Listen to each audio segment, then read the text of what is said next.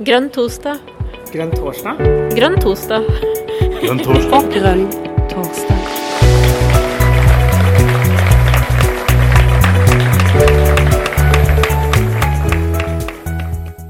Veldig bra. I dag skal vi snakke om eh, matproduksjon.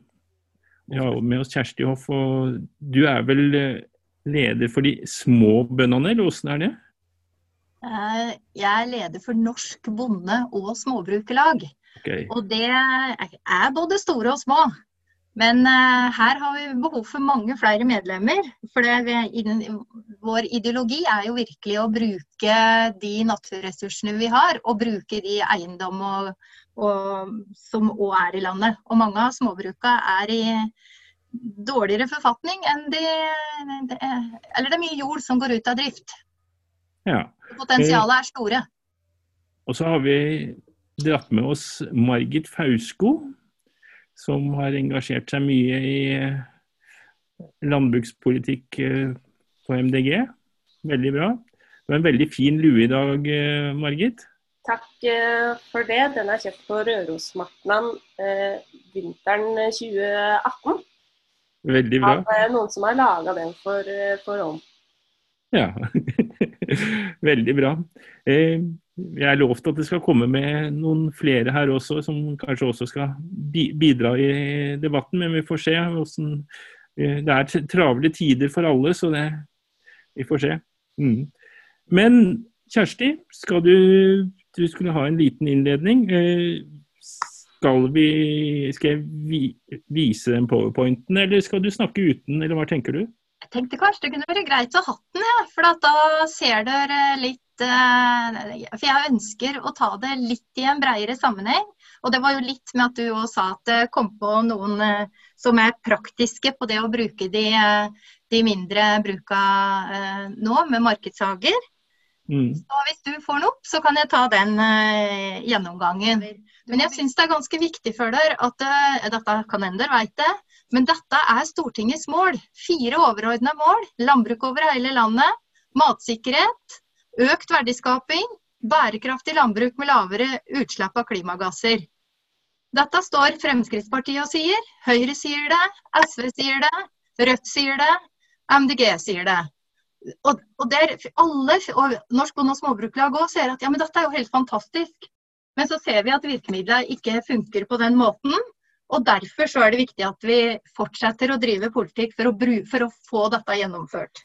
Og, og for at vi skal bruke våre naturgitte ressurser, så må forbrukeren òg ha forståelse og skjønne hvordan det er å drive landbruk i Norge. Og da er det jo òg veldig viktig det at det er så mange som syns det er spennende med markedshager, som syns det er spennende med andelslandbruk, og som gjerne vil være med og dyrke og få det til å, å gro, og òg høste og spise det du har vært med på å produsert sjøl. Så, så det, det tenker jeg er det fine med de mindre bruka, hvor vi har plass til at flere er med og produserer. Eh, Det vi har oppdaga nå, eller som òg for meg har blitt veldig tydelig i den koronasituasjonen vi har vært og er i, det er jo hvor sårbart norsk landbruk er når den enkelte bonde har så store arealer å, å bruke at den ikke har mulighet til å drifte det sjøl, eller heller ikke med sine naboer når det trengs. Den arbeidskrafta kommer i dag hovedsakelig fra utlandet. I går, så var det eller før dagen, så var det på nyhetene at da var det chartra et fly for de som, de som driver med grønnsaksproduksjon og bærprodusenter. Den største bærprodusenten han har 1200 mål og trenger et par hundre for å komme inn for å hjelpe han å høste de jordbæra, for at vi skal få kjøpt billig norsk jordbær i, i butikka.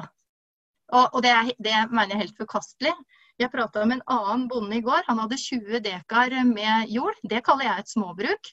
Men han og hans familie levde av det. De driver da med, med salat og persille og selger til storhusholdningen. Så det er et kjempepotensial i de, areala, eller de landbrukseiendommene vi har. Så vi må bruke våre ressurser i hele landet, både i fjell og dal, men vi må òg bruke dem smart. Slik at vi bruker de beste små og store arealene til matvekster. Og så bruker vi de ekte grasarealene til fòrvekster til folka våre. Og skjønner forbrukeren dette her, det er det beste tollvernet vi har i forhold til importert mat. Da kan du bla videre. Og så kan du ta en til, så du får, eller du får hele den greia der, tror jeg. Ja, det ser veldig fint ut, da. Men dette er litt åssen landet vårt uh, ser ut. Den gikk litt fort, Jon. Ja. Får jeg den sånn? Ja, for dette er litt hvordan landet vårt ser ut. Vi har 3,4% jordbruksareal, og vi har, um, har uh, 95% utmark, og av de så er det 45% som kan brukes som utmarksbeite. Men når vi ser på de 3,4% jordbruksareal som står her, da, så er det likevel bare 1% eller av de 3% så er det kun 10% vi i dag bruker til mat rett til folk. Det andre går gjennom en dyremage. Og her er det jo et vesentlig større potensial for å øke selvforsyninga både med at vi som forbrukere stiller ikke stiller så, eller det er egentlig ikke vi som forbrukere som stiller krav til kornkvaliteten for matmjøl, men det er den supermat- eller bakerindustrien som skal ha brød som hever raskt. Og det er at mye av kornet vårt går til fòrkorn, sjøl om det kunne vært brukt løs eh, til mat. Så her er det eh, Vi kan egentlig doble de arealene som i dag brukes til, eh, matko, til eh, mat, for å, å, produsere mer mat rett til folk. Og det er sånn at ti, det er ti ganger mer matenergi per dekar hvis vi putter det rett i vi spiser det, enn om det skal gå gjennom en dyremage. Så, så det må jo være vanvittig klokt da å produsere mest mulig av det vi kan av det vi spiser, vi folk. Og så har vi dyremat på de andre områdene. Um, du kan gå videre, for da kommer den spennende som nå har kommet fram. Og det er Nibio har begynt en kartlegging. De er ikke uh, det er fortsatt noen høl i det, men de har begynt en kartlegging, de, eller en jordsmonn-kartlegging, sånn at de sier at uh, de har oversikt. Ja, men det arealet det, det, de to måla der, de er best. De, der kan vi dyrke gulrot. Eller hvis du drar til Lesja, hvor, eh, hvor eh, Sofie har en, andels, en markedshage, så, de, så, så, er det jo tydelig at hun har valgt det beste arealet på den eiendommen for å kunne ha sin markedshage. Eller så fryser det, eller det er for dårlig jordsmonn til å kunne ha grønnsaker i det monnet som hun har.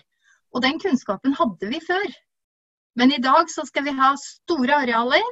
Og dermed så, så blir de små, gode arealene ikke tatt i bruk til det de er best nytta til, men de blir kjørt inn i det store. Så, så her ser vi med den eller den, den jordkvalitetsundersøkelsen som Nibio begynner å rulle opp, så kan vi finne ut hva som er de best egna arealene våre. Da kan vi gå videre. Og så har vi i Norsk Bonde- og Småbrukerlag i fjor så fikk vi til et, eller tilskudd. Vi er, vi er, jo, Når vi driver jordbruksforhandlinger, så er det jo hva er det vi kan gjøre for å stimulere til en produksjon vi mener er bedre, eller å gi bonden et uh, bedre inntektsmulighet. Og Da er vi òg med og styrer hvordan vi ønsker at vi skal utvikle matproduksjonen. Og her er et uh, I fjor så fikk vi til et småskalaproduksjon eh, tilskudd som går både til støtte til etablering av dyrkingsfelt, utvikling og betjening av markeder og bygging av kjøle- og lagerkapasitet. Utvikling av bærekraftig emballasje og tilegning av kompetanse.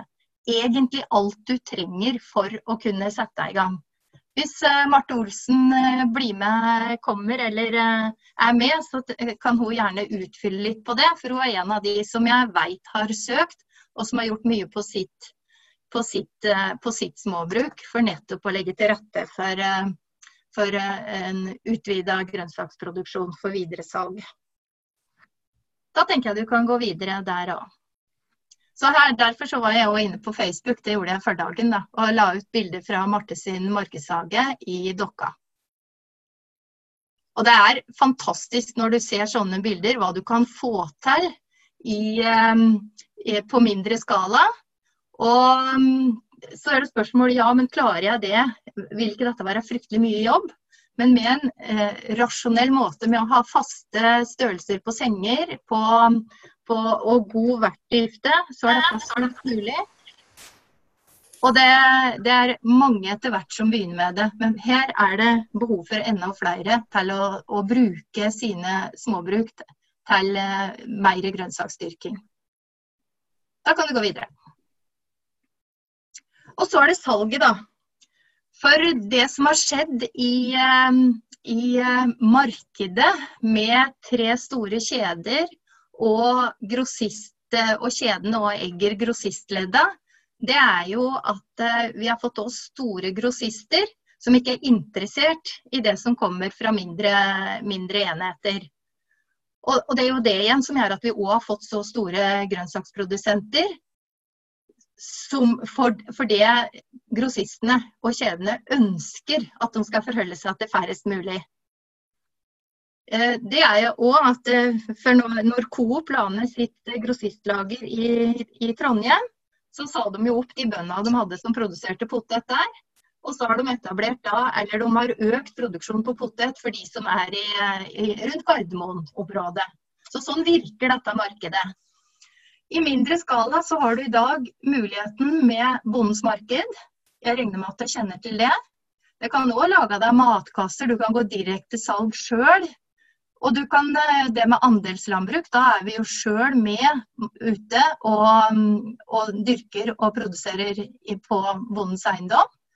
Og, det, og du kan ha gardsutsalg, og du kan ha spesialavtaler med hotell og restauranter. Eller det er nå, særlig under koronasituasjonen, så er det flere av matkjedene som sier at vi gjerne vil ha lokalmat, og har laga noen disker. Reko er eh, den eh, ferskeste løsningen i denne sammenhengen. Og det er, et, eh, det er en Facebook-gruppe hvor du, du som har noe å produsere, du kan melde inn dine varer. Du er ansvarlig sjøl for det du har. Og du får bestillinger inn på ditt navn og kan kjøre da til den utsalgsplassen. Her har jeg vist til Reko-ringen på Hamar har, som har utsalg den 17. juni, eller utlevering 17. juni, og du kan gå inn på nettsida og bestille. Og så møtes du da på åttemetersplanet, er det nå, eller nede med Mjøsa, hvor de har utlevering. Da er det lettvint for den som selger, for han veit hva han skal pakke og ta med seg. Og, er, og, og du veit at du får betaling for det. I motsetning til Bondens marked, da tar du med deg alt du, du pakker og setter alt og tar med i bilen, men du veit aldri hvor mye du får solgt. Jeg tror Reko og dette markedet vil bare øke framover. Så her har vi Norsk Bonde- og Småbrukerlag var pådriver og, og, egentlig den som var med og dro opp Reko i Norge. Det er et finsk konsept. Men vi har da den største ringen i Reko totalt sett i Trondheim. Uh, og her trengs det egentlig videre jobbing, så vi har nå driver og lager håndbok for Reko-ringer. Og etter hvert så ser vi òg på at her må det antageligvis til et større prosjekt for å kunne jobbe videre med det for at det skal komme mer i, eller være en tryggere ramme rundt rekoringer. I dag er det veldig eh, Den som har ansvaret og administrerer, den gjør det frivillig. Og det gjør du en periode, men hvor lenge du gjør det, det er det jo alltid et spørsmål om. Så her trengs det litt mer rammer og, og avklaringer rundt den for at vi skal ha det framover. Og det bør oppover slik at det faktisk er en konkurranse mot matvarekjedene våre. Ja, jeg tror kanskje du kan bla og se om det er noe mer. Det var en til. ja, og det er mer for at jeg ønsker å avslutte med at uh, vi jobber jo hele tida nå for en endring av politikken. Uh, den regjeringa vi har hatt siden 2013, den har egentlig bare skjøvet på bonden at her må du bare bli større. Det er det eneste som lønner seg. Vi um, har, Jeg har drevet gard i 30 år. I den perioden så er det halvert antall bønder. Nå er det ca. 40 000 bønder.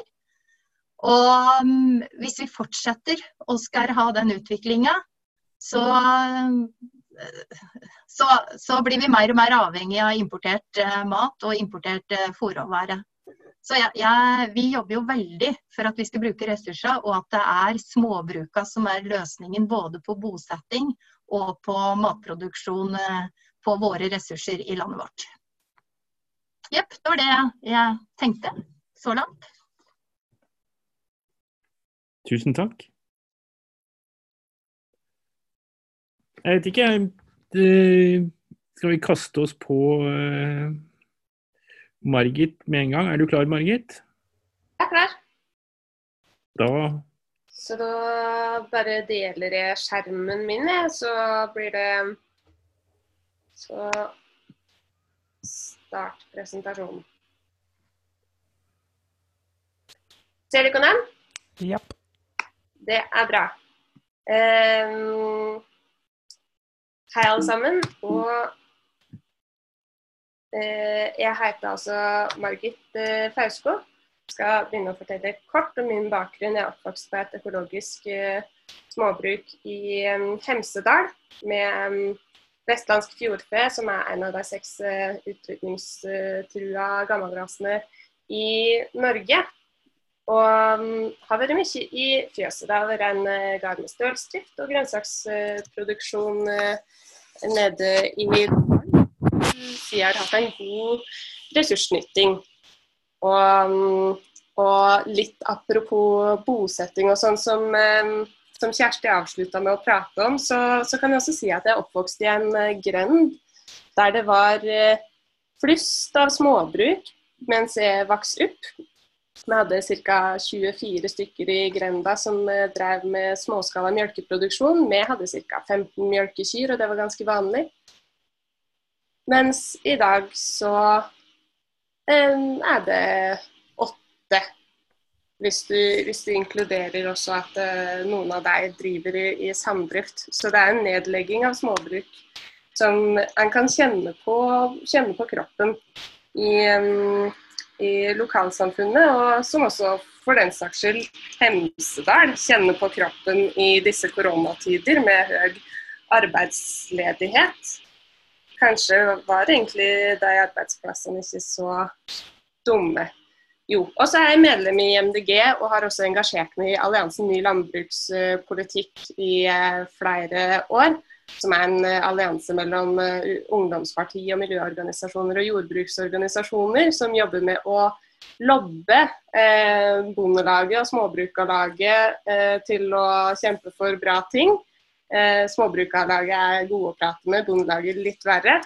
Um, og ja, jeg tenker det er bra nok å si om jo, å sette, sette agenda for en ny kurs for jordbrukspolitikken.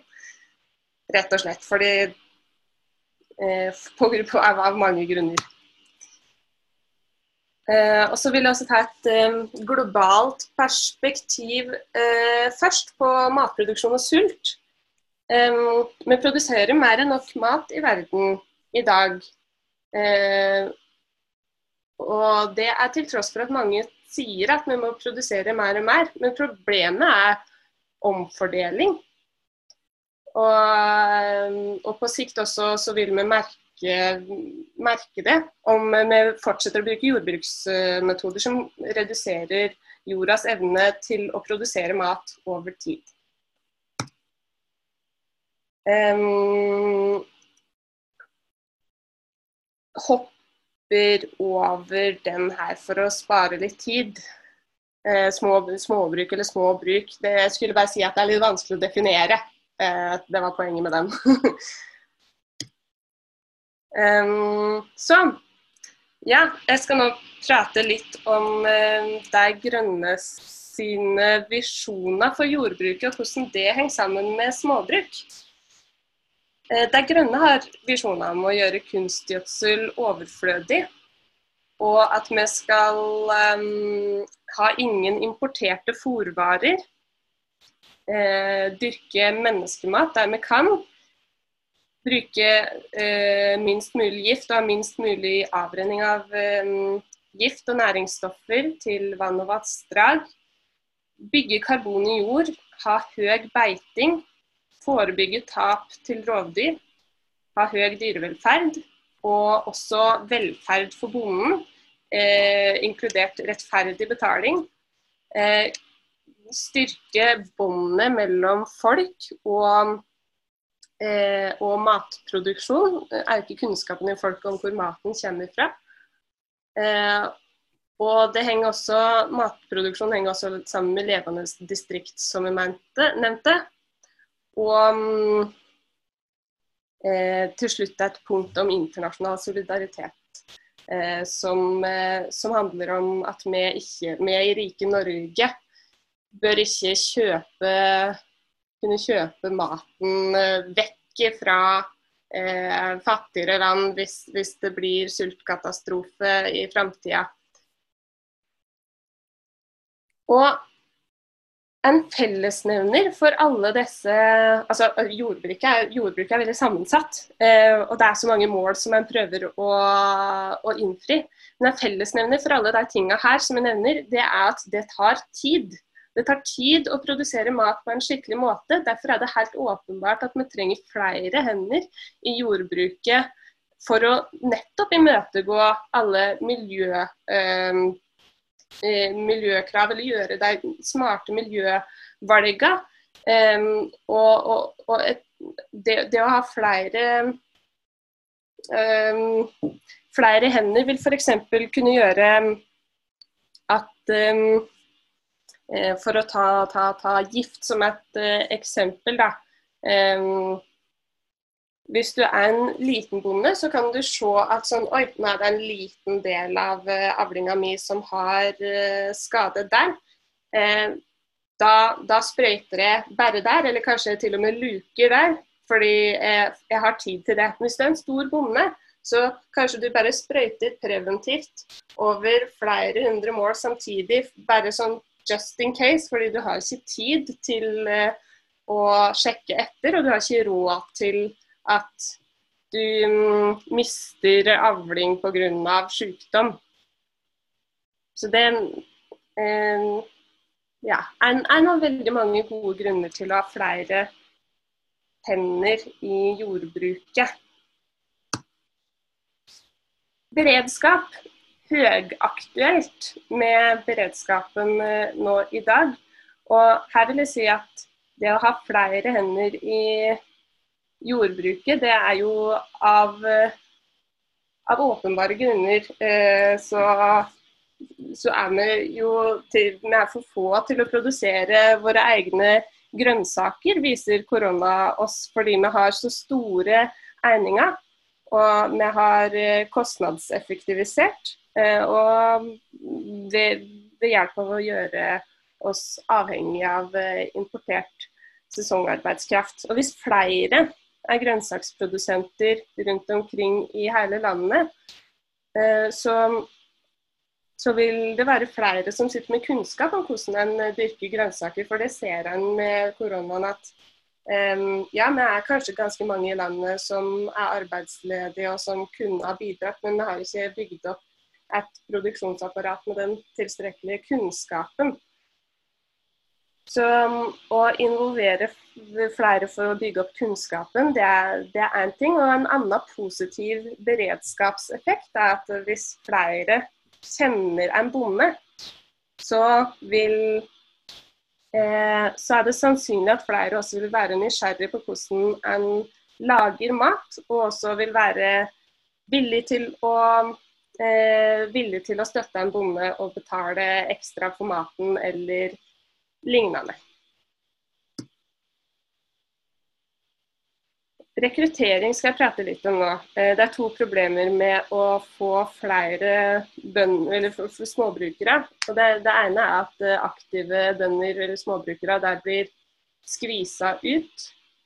Og det andre problemet er at det er en del potensielle bønder som ikke slipper til i jordbruket. Um, og det kan man si veldig masse om begge de problemene. Um, men man uh, eh, Altså grunnlinja i den norske landbrukspolitikken, særlig de siste 20 åra, har vært at sånn, du, du, må bli større, du må bli større og produsere mer effektivt for at du skal eh, for at du skal um, få like gode vilkår fra, fra uh, statens landbrukspolitikk. Vi har hatt en del um, liberalisering gjennom å heve makstak for f.eks. mjølkeproduksjon og kyllingproduksjon. Det gjorde Sylvi Listhaug. Noe som indirekte skvisa ut småbrukere gjennom å tillate flere å bli store, og også bli så store at de produserer langt utenfor det de har ressursgrunnlag til, men erstatter i praksis da beite til småbrukere i fjellet med, eh, med importert kraftfôr. For å si det litt eh, svart-hvitt. Um, Overproduksjon er også et problem som fører til eh, fallende markedspriser. Og ja, det, det, det, er for låg lønn, egentlig. Det er ikke så attraktivt eh, for alle å være bønder lenger. Folk ser etter annet arbeid. Så vil jeg si også peke litt fingeren på Innovasjon Norge, som jo er styrt av landbrukspolitikken. De har hatt krav frem til 2019 at du må øke produksjonen for å få lov til eh, å få støtte til nytt fjøs. Og det er en veldig merkelig ting til å kreve. Fordi eh, du, du, får jo ikke et større produksjonsgrunnlag bare du får et nytt fjøs. Så det at du må ha måttet det, som et krav fra Innovasjon Norge fram til 2019, det har vært også en veldig sånn indirekte nedlegging av at noen andre skal produsere. Så det er jeg spent på å følge med på hva som skjer framover med. Og der kan vi Det Grønne sette en uh, stopper. Hvis, hvis, ikke det skjer av seg sjøl. Det skjedde noe i 2019, men jeg er litt usikker på hvor det var. Problem to er at det um, er mange som ønsker seg inn, og det ser vi også veldig nå om dagen. At det er, uh, det er så mange som drømmer om å kjøpe seg et småbruk og uh, bli bonde. Og så er det en del som heldigvis får det til, og så er det en del som ikke får det til. Um, jo, og så er det også et problem med de som ønsker å ta over gard. Det, det at en har uh, fått så store gårder etter hvert gjør også at det er litt vanskeligere og litt mindre attraktivt for deg som er odelsjente eller odelsgutt å ta over, fordi du må plutselig bla opp med flere millioner i stedet for eh, eller, eller, noe i den duren. Um, så Forresten, hvor lang tid har jeg hatt? Ja, hvis du holder på noen få minutter til, men nå er klokka halv, da. Men eh... Jeg tenker det er ikke noe vits i å stresse, Margit. Det, der er vi ikke. Eh, men det er greit om de ikke holder på en halvtime til. Da er det for lenge. Nei, det skal vi ikke. Um, OK, jeg har lyst til å Da velger jeg bare én av de historiene her. Jeg har lyst til å fortelle om um, eh, Line som er et eksempel på en hadde inn i jordbruket, som jeg kjenner. Som um, har vært hestejente i mange år og eh, hatt, hadde da hatt kjæreste i mange år. Og de hadde lyst til å eh, kjøpe seg gard og drive, drive, med produksjon her i Hemsedal. Den garden ble faktisk tatt på odel av en som hadde odel, men aldri hadde bodd på gården og ikke hadde noe forhold til den, annet enn at han eh, ja, kjøpte den. Og i tillegg fikk dispensasjon fra, fra um, boplikta etter å ha kjøpt den. Sånn at han kunne fortsette å bo i Bærum og bruke det, det småbruket som en eh, fritidsbolig. Eh, og den gården har også en del Eh, eiendom. Og jeg er ganske sikker på at eh, det blir spekulert i hvordan han, kan også selge unna hyttetomter for å tjene penger på den gården som han ikke driver og ikke bor på. Er dette en sånn såkalt ferieslabbrask? Ja, det er eh, to nye begreper som jeg har eh, lansert og lagt ned der. Eh, han er både en ferieslabbedask, det er det jeg vet at han er, og så mistenkeliggjør han for å være en hyttebaron.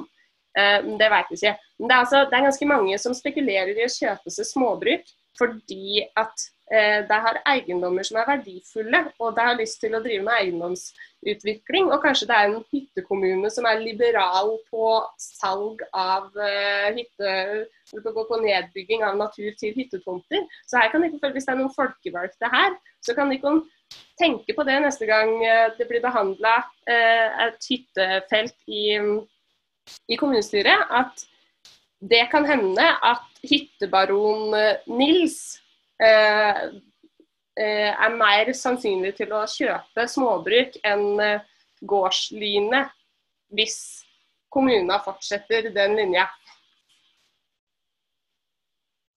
Ellers masse annet å si om rekruttering og hvordan ta over. Det kan godt hende at jeg heller ikke har sagt eh, de problemstillingene som er mest aktuelle andre andre plasser med det å, å slippe inn.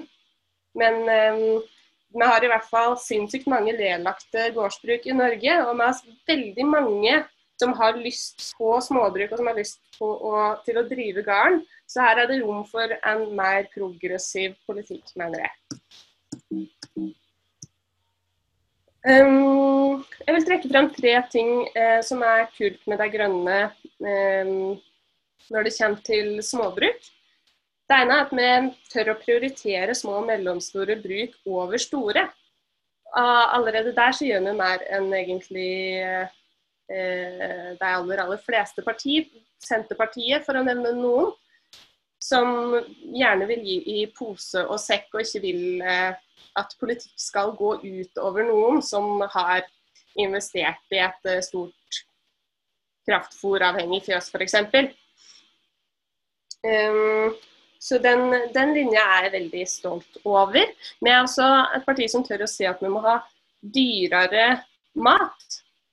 Og det, er, det, det kan være upopulært både til høyresida og til venstresida å si noe sånt noe, men eh, ærlig talt, vi bruker 11% av lønna vår på mat. Og hvis noen i Norge ikke har råd til mat, så er det et resultat av dårlig omfordeling, og ikke at maten er for dyr.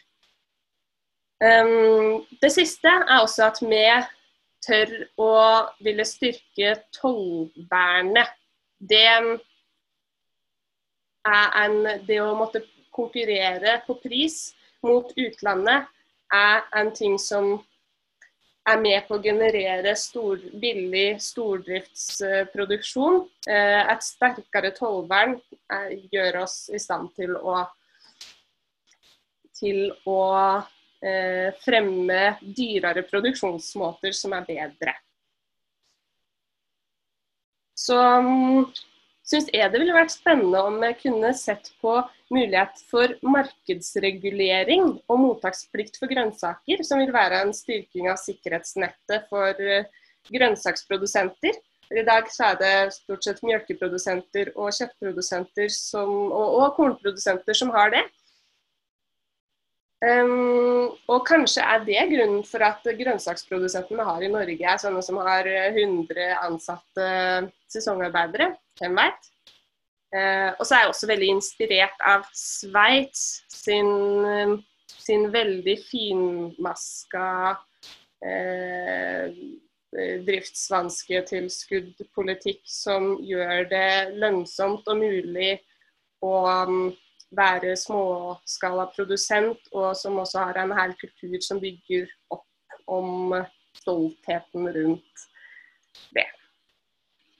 Så hvis noen har lyst til å være med på studietur til eh, Sveits for inspirasjon, eh, så send meg en personlig melding etter foredraget. Avslutter med et sitat eh, fra um, ei inspirerende jente som også Kjersti nevnte i stad. Hvorfor drive stort når du kan drive lønnsomt på lite? Det her er en suksesshistorie med Sofia Maria Banghelm fra Lesja, som faktisk har fått det til eh, å drive småskala lønnsomt gjennom alternative salgskanaler i, i Lesja, ja, som jeg sa. Og hun, hun, bryter med masse myter og, og, paradigmer i det hun gjør. så ja. bli med meg på studietur til hun også, kanskje.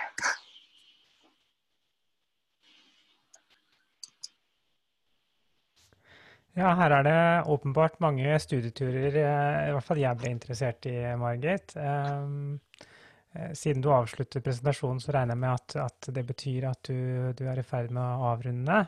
Uh, Dvs. Si at du har avrundet, egentlig. Um, tusen takk for et veldig inspirerende innlegg. Um, og så vil jeg gjerne minne alle på om at, at eh, programkomiteen til Miljøpartiet De Grønne har lagt fram et skisse til program, og der omtales også selvsagt både landbrukspolitikk og distriktspolitikk. Eh, og jeg, jeg, håper jo at eh, alle som er interessert i et grønnere Norge, går inn og titter på det, og ser på, kommer med gode, konstruktive forslag til hvordan man kan gjøre programmet enda bedre. Så det var da dagens reklame. Så er det sånn da at vi har eh, Marte Olsen her også. Hun ble jo, hun ble jo nevnt eh, tidlig fra Kjersti. Eh, Marte Olsen hun driver Markedshagen på Dokka. Og Marte, er du, er du der klar? Jeg er her.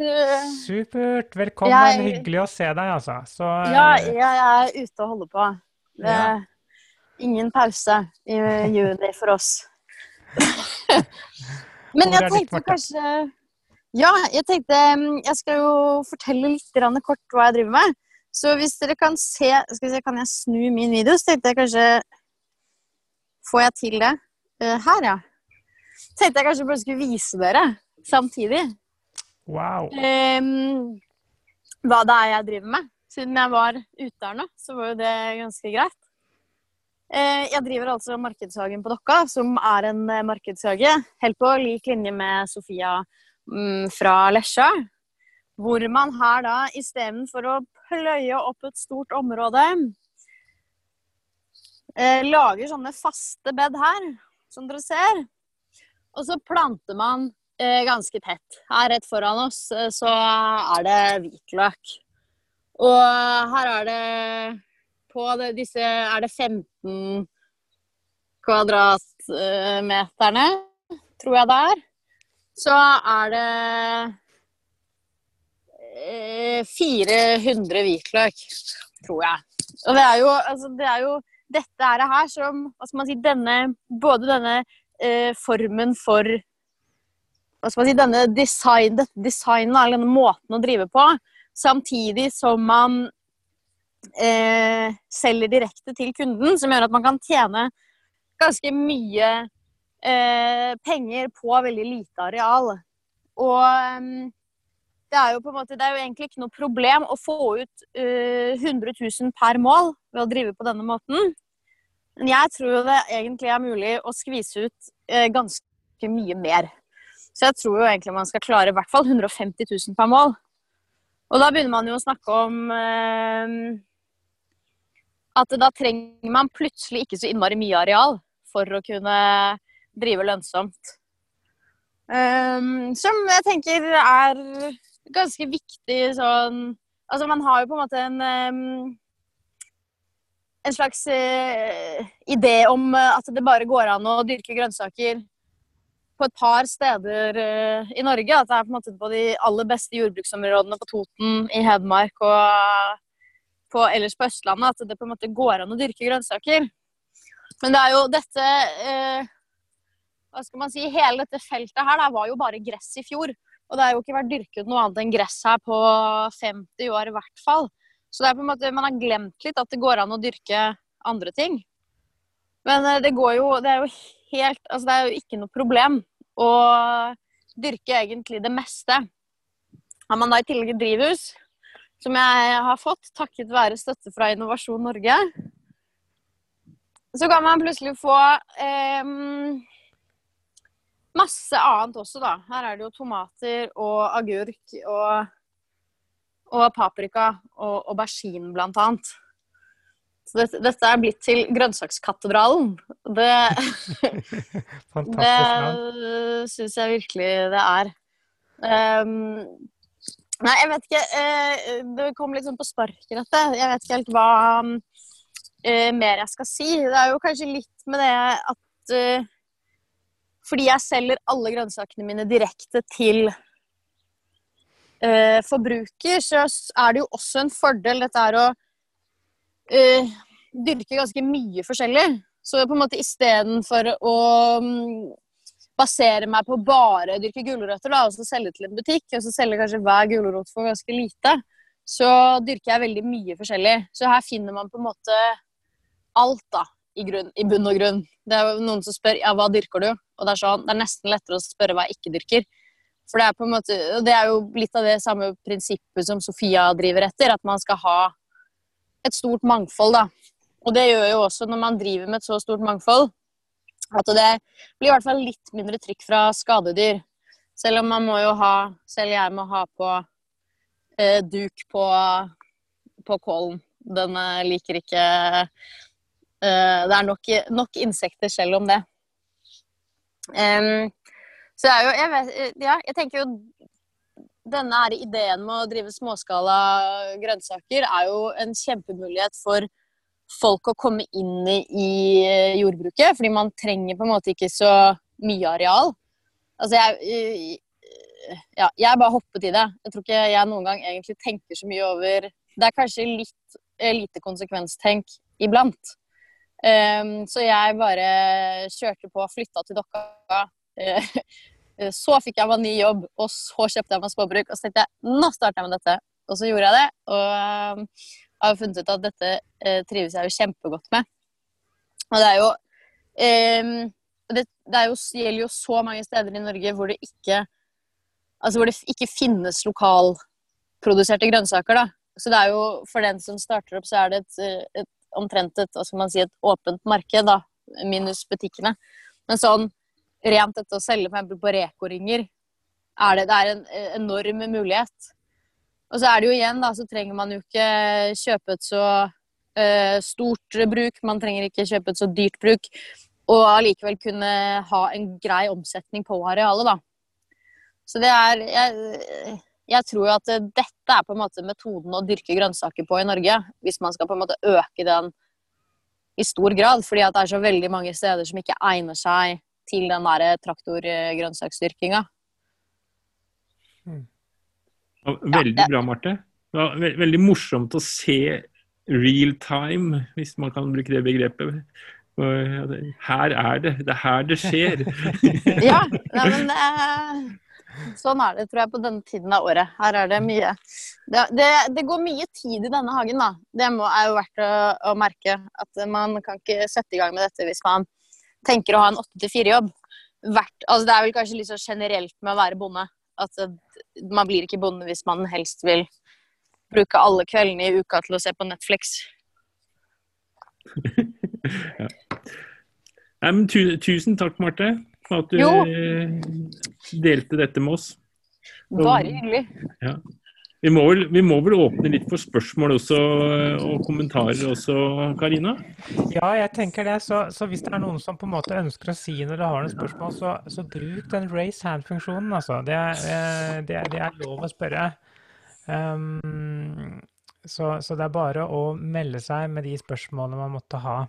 Eh, jeg må si det har vært veldig gøy å høre på de tre veldig gode og fine innlegg. Eh, og det viser jo at, eh, at det, er, det er mulig med, med småbruk i Norge, og det skal vi jo ha med oss videre. Jeg kan jo stille spørsmål til deg, Birgitte. Du har jo vært litt på sidelinje her og, og, og, sett. Hvilke tanker gjør du deg når du, når du ser dette, Birgitte? Birgitte Sterud er da fylkesleder i Viken MDG. Ja, altså, jeg um, Jeg sitter her og renser brokkoli da, mens jeg, mens jeg hører på. Og, fordi jeg skal ha vakt i morgen, og jeg er veldig, veldig glad i brokkolisalat. Det er egentlig ganske deilig å se på uh, bilder av uh, grønne åkre, og når jeg hører på dette her, så Eh, altså, I går så hørte jeg på et bokbad som het 'Det går til helvete, eller?' Um, og Det var jo et 'eller' med spørsmålstegn. Og så er det veldig veldig deilig å høre på dette i dag, for nå trengte jeg rett og slett litt håp. Uh, og så tenker jeg at ja, det er søren meg håp, tenker jeg. Det er håp. Uh, men det krever, det krever en annerledes regjering enn den vi har nå. Uh, så jeg blir veldig inspirert til å fortsette å være fylkesleder i Viken og gjøre en heidundrende valgkamp med fokus på nettopp distriktspolitikk og en bedre landbrukspolitikk. Uh, og så, Nå har vi nettopp hørt med at man trenger ikke å ha så veldig store arealer. Nei, Det vet jo alle som har bodd langs kysten i hundrevis av år. fordi der har de dyrket poteter.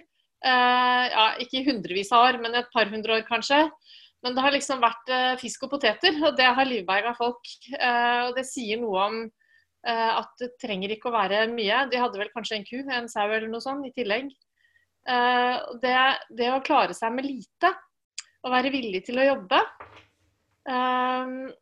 Det tror jeg vi har utrolig godt av. Vi har blitt noen luksusdyr, men det er ikke det vi egentlig er. Eh, det å være et dyr på kloden, det handler om å jobbe for maten. Og som flokkdyr så kan vi ta vare på hverandre i tillegg. Og så har vi skåret helt skeivt ut og tenkt at nå skal vi ha luksus. Um, jeg vet jo at da jeg var liten, så var mat mye dyrere i forhold til gjennomsnittslønna enn nå. Jeg eh, kom fra en familie som ikke hadde veldig høy gjennomsnittsinntekt. Jeg tror kanskje vi hadde blitt kalt fattige i dag. Eh, men det ga meg en eh, sommerferie i telt på Langvidda, og dit så kjørte vi gjennom Hallingdal. Og når vi kjørte gjennom Hallingdal, så luktet det ku og fjøs, og det var masse gårder. Og vi kunne se sånne hesjer med høy når vi kjørte hjem fra fjellet, når det hadde vært slått. Eh, og jeg må si at når jeg reiser uh, nordfra og sørover eller rundt omkring nå og ser at det ligger brakk, så gjør det altså så innmari vondt. Det er en slags sånn eksistensiell um, smerte, som veldig mye annet er. Um, kjærligheten til naturen, kjærligheten til jorda. Og så blir det ødelagt, og det gjør vondt. Men når jeg hører på dere, da tenker jeg at det er, er søren meg håp. Altså. Vi må bare, bare samle troppene, og så er det bånn pinne, og så er det å stå på og håpe at folk våkner. Uh, at vi klarer å øke selvbergingen i Norge. At stadig flere får anledning til å dyrke, om ikke all sin egen mat, så noe av sin egen mat. Og andre nok til å selge det videre. Så jeg, jeg bare er veldig Akkurat nå er jeg liksom håpefull. Uh, og det er veldig Jeg er veldig grønn, så jeg er veldig håpefull. Så jeg har bare lyst til å si tusen, tusen takk til dere, og jeg gleder meg til fortsatt samarbeid. Tusen takk, eh, Birgitte. Uh, Eksistensiell smerte, ja. Er det noe du kan kjenne deg igjen i, Margit? Oi. Um, jeg vil si eh, at det er Altså det, det, det, kan, det kan være trist iblant. Jeg hadde en sånn eh, eksistensiell smerte, kan jeg si, under tørkesommeren 2018. Da jeg plutselig så eh, tørrsvidde åkra og prata med bønder som sa at nei, i år så blir det 40 avling. Eh, og så gikk det opp for meg at oi, eh, nå kommer Norge til å være det landet som kjøper mat fra andre steder i verden. Eh, fordi vi har jo råd til det. Vi har ikke noe problem med tørkekrisa. Men vi kommer til å kjøpe, det er tørkekrise over store deler av verden. Noen kommer til å dø av sult tenk, og da, da, begynte jeg å grine. Um, um, og ja, og om det skjedde eller ikke pga. tørken jeg, jeg, jeg, tror en kan si En kan i hvert fall si at det hadde store konsekvenser, uh, og særlig for de som er fattigere enn oss. For å ta litt det globale perspektivet. Og så ser jeg samtidig på uh, Stølsvollan og beitelandskapet rundt omkring i Hemsedal som har Eh, blitt til et skoleeksempel på gjengroing, litt som eh, Birgitte er inne på, i, i de siste åra. Og det er ikke fordi at den har redusert melkeproduksjonen, men det er fordi at eh, kyrne der går i store fjøs og, og, og et kraftfôr. Og, og siloa er bare på inn, eller mye mindre på utmarksbeite. Eh, og oksen også er mye mindre Eller oksen er bare inne og, eh, og sånne ting. Eh, så eh, Og apropos det, så har jeg egentlig lyst til å Hvis ikke det er noen andre spørsmål, så får folk bare avbryte. Men et hjertebarn for meg er hvordan vi skal ta vare på nettopp småskala mjølkeprodusenter. Det er en grunn til at mjølk nevnes veldig ofte. Det er, utgjør en veldig stor andel av eh, det norske matproduksjonen og det norske arealgrunnlaget. Um, og i dag ca. 8000 bønder. Um, og eh, det som er en av mange store trusler mot små og mellomstor melkeproduksjon i dag, i tillegg til effektiviseringskrav, det er løsdriftskravet. Som er, veldig, som er, et veldig positivt tiltak for uh, dyrevelferd. Det betyr at uh, en ikke lenger får lov til å ha fjøs der kyr uh, står bindet fast på, på bås gjennom vinteren. Og Det trer i kraft i 2034, er det bestemt. Men det er mange som ikke har fått tilstrekkelig investeringsstøtte til å legge om. Og så er det også mange som ser på at ja, nei, det ser ikke ut til at det er rom for meg i framtida, for de vil jo bare ha større og større. Jeg har 12 kyr eller 20 kyr. Jeg har ikke, jeg har ikke muligheten til å ha flere, for jeg har ikke større areal eller Så småskala melkeproduksjon, eh, her trenger vi å tenke god Vi må gi investeringsstøtte til også yes. løsdriftsfjøs yes. til deg som er små. Yes, veldig godt, uh, veldig godt poeng, Margit. Tusen takk skal du ha. Jon, du har også en kommentar, og etter det så er det Birgitte sin tur. Ja, eh, jeg har eh, tenkt på dette med pandemien, og da må man drevet og snakke om de viktige jobbene. De som har holdt på med de viktige jobbene, måtte jo fortsette. Og de som produserer mat, er jo de som fått lov til å fortsette. Men får de godt betalt? Neppe. Maten er for billig. Og, og de, vass, de som, våre renholdere får også høre at de er veldig viktige. De er heller ikke godt betalt. De, vi får De tingene som er viktige for samfunnet, det er litt snodig at det er litt vanskelig. Og så er veldig fornøyd med Reko-ringen. Altså, dette er en måte for lokale produsenter til å få levert før nå, Jeg har hørt kritikk av Reko-ringen fordi at å, den er bare på Facebook. Ja, men det, det, er faktisk etablert et system som funker. Og er, jeg vet ikke hvor mange steder det er, jeg. Eh, jeg vet du hvor mange steder det er, Kjersti? Er det 10-15 eller enda flere steder?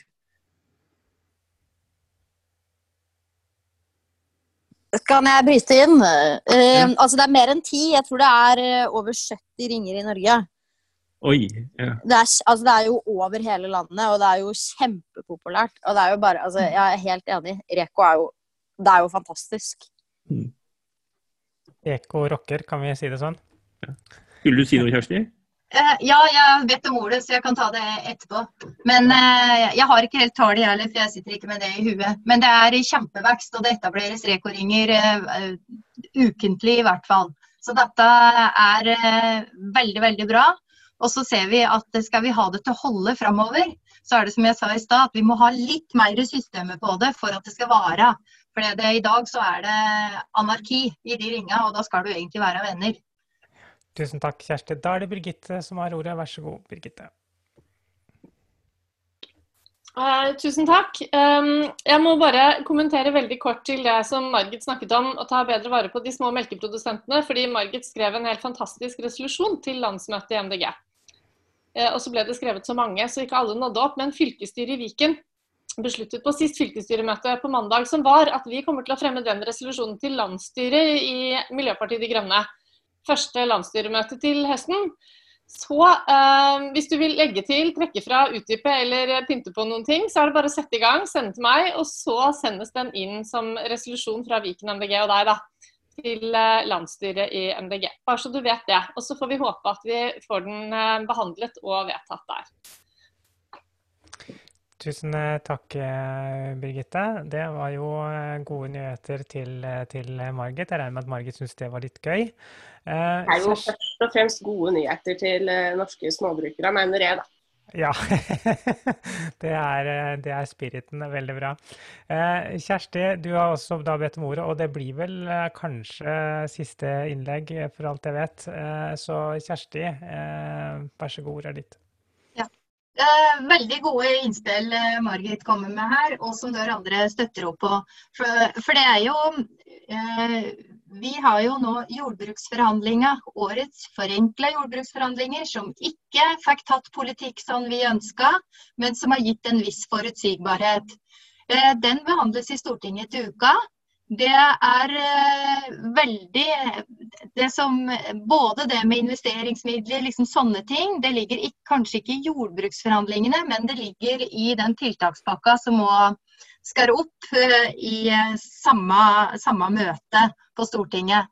Og vi har spilt inn de punktene som Margit sa, i, til alle politiske partier, og ser at SV, Senterpartiet og Arbeiderpartiet og Rødt har gått for det samme. Så her gjelder det investeringsmidler til å bygge om uten at du må vokse. For det, det å vokse er ikke mulig, for da har du ikke arealressurser rundt det. Og da er du avhengig av å kjøpe importert kraftfôr, noe vi ikke ønsker oss. Så vil jeg bare ta en sånn liten digresjon til. For det, nå, det er kjempeflott at vi i koronasituasjonen faktisk spiser og drikker mer eh, norskprodusert eh, mat. Men dermed så trenger jo Tine òg mer mjølk. Så nå har Tine økt eh, hvor mye bonden kan produsere i to runder. Det betyr at den små og mellomstore bruk, som ønsker, eller de som bruker stølen sin, da, eller som ønsker å setre, man ser at oi da, på fjellet så er det dyra må gå lenger etter maten. De vil ikke produsere like mye, og det blir nesten, for å kunne følge opp det, så må du kjøpe mer kraftfôr og bruke mer kraftfôr. Så det er et veldig sånn Det ene slår litt det andre. Og her kunne vi jobbe mer for hvordan styrke den um, norskproduserte fôret og heller ha flere mjølkekyr enn at vi har færre, slik som utviklinga har vært nå. Men, eh, men Dør tar eh, tak i det, og jeg er veldig glad for den engasjementet som eh, MDG har for norsk matproduksjon på norske ressurser. Så tusen takk. Tusen takk skal du ha, Kjersti, for at du også kom hit i dag og har snakket sammen med oss. Det setter vi veldig, veldig stor pris på. Eh, Jon, har du noen tanker før vi avslutter? Tanker, ja. ja.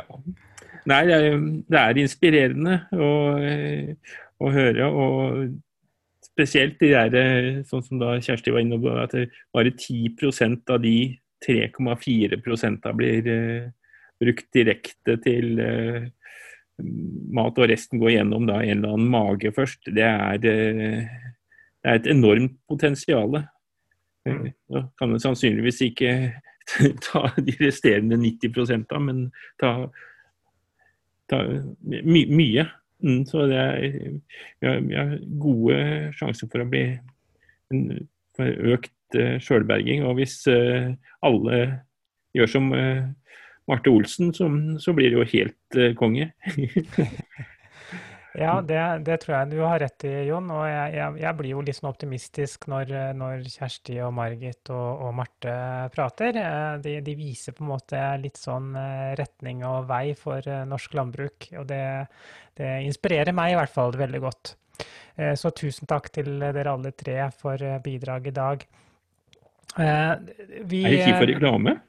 Hva sa du? Er det tid for reklame? Ja, nå er det tid for reklame, var det jeg tenkte jeg skulle si. Fordi, fordi at eh, det er, det er jo en, eh, en, grønn torsdag om en uke. Og hva mm. skjer da, Jon? Da kommer Une Aina Bastholm det var det. Det var nå det var Une. Jo, det er ja, Une det stemmer, nå. Det, det stemmer, det, det stemmer, ja, jeg har snakket med henne i dag, og hun bekreftet at hun, eh, hun kommer. Eh, ja. Så det, blir kjempegøy. Ja. Og, og kan jeg sende spørsmål? Mm. Post at Gron Torsdag. E-post at grontorsdag.no. Ja. Eh, kan også sendes eh, på Messenger til oss. Mm. Så det er bare å Eller til jon.mdg.no eller karina.mdg.no. Det funker også. Mm. Så det er masse e-postadresser dere kan bruke. Det viktigste er at vi videreformidler de spørsmålene som kommer, til UNE. Ja, så får vi se hva hun tar tak i. Ja, Mm. Det er litt opp til henne. Det er jo UNEs time, så hun skal liksom få lov til å bestemme litt sjøl eh, hvordan hun vil legge det an. Men det ligger jo i sakens natur at det blir mulighet for litt interaksjon. Og hvis det er spesielle ting dere ønsker at UNE skal prate om, så er det, er det en mulighet for det. Så vi gleder oss veldig veldig mye til det. Det skal bli gøy. Um, og, og kanskje til og med nesten like gøy som eh, vi har hatt i dag og de siste ukene. For det har vært mange bra møter eh, denne våren eh, og så langt i sommer, Jon. Ja, så langt i sommer. Det, det blir sommerferie. Vi må bare beklage. Ja, det siste ordinære møtet før sommeren blir eh, denne neste torsdag med UNE. Det er helt korrekt. Supert. Tusen, tusen takk. Da er vi.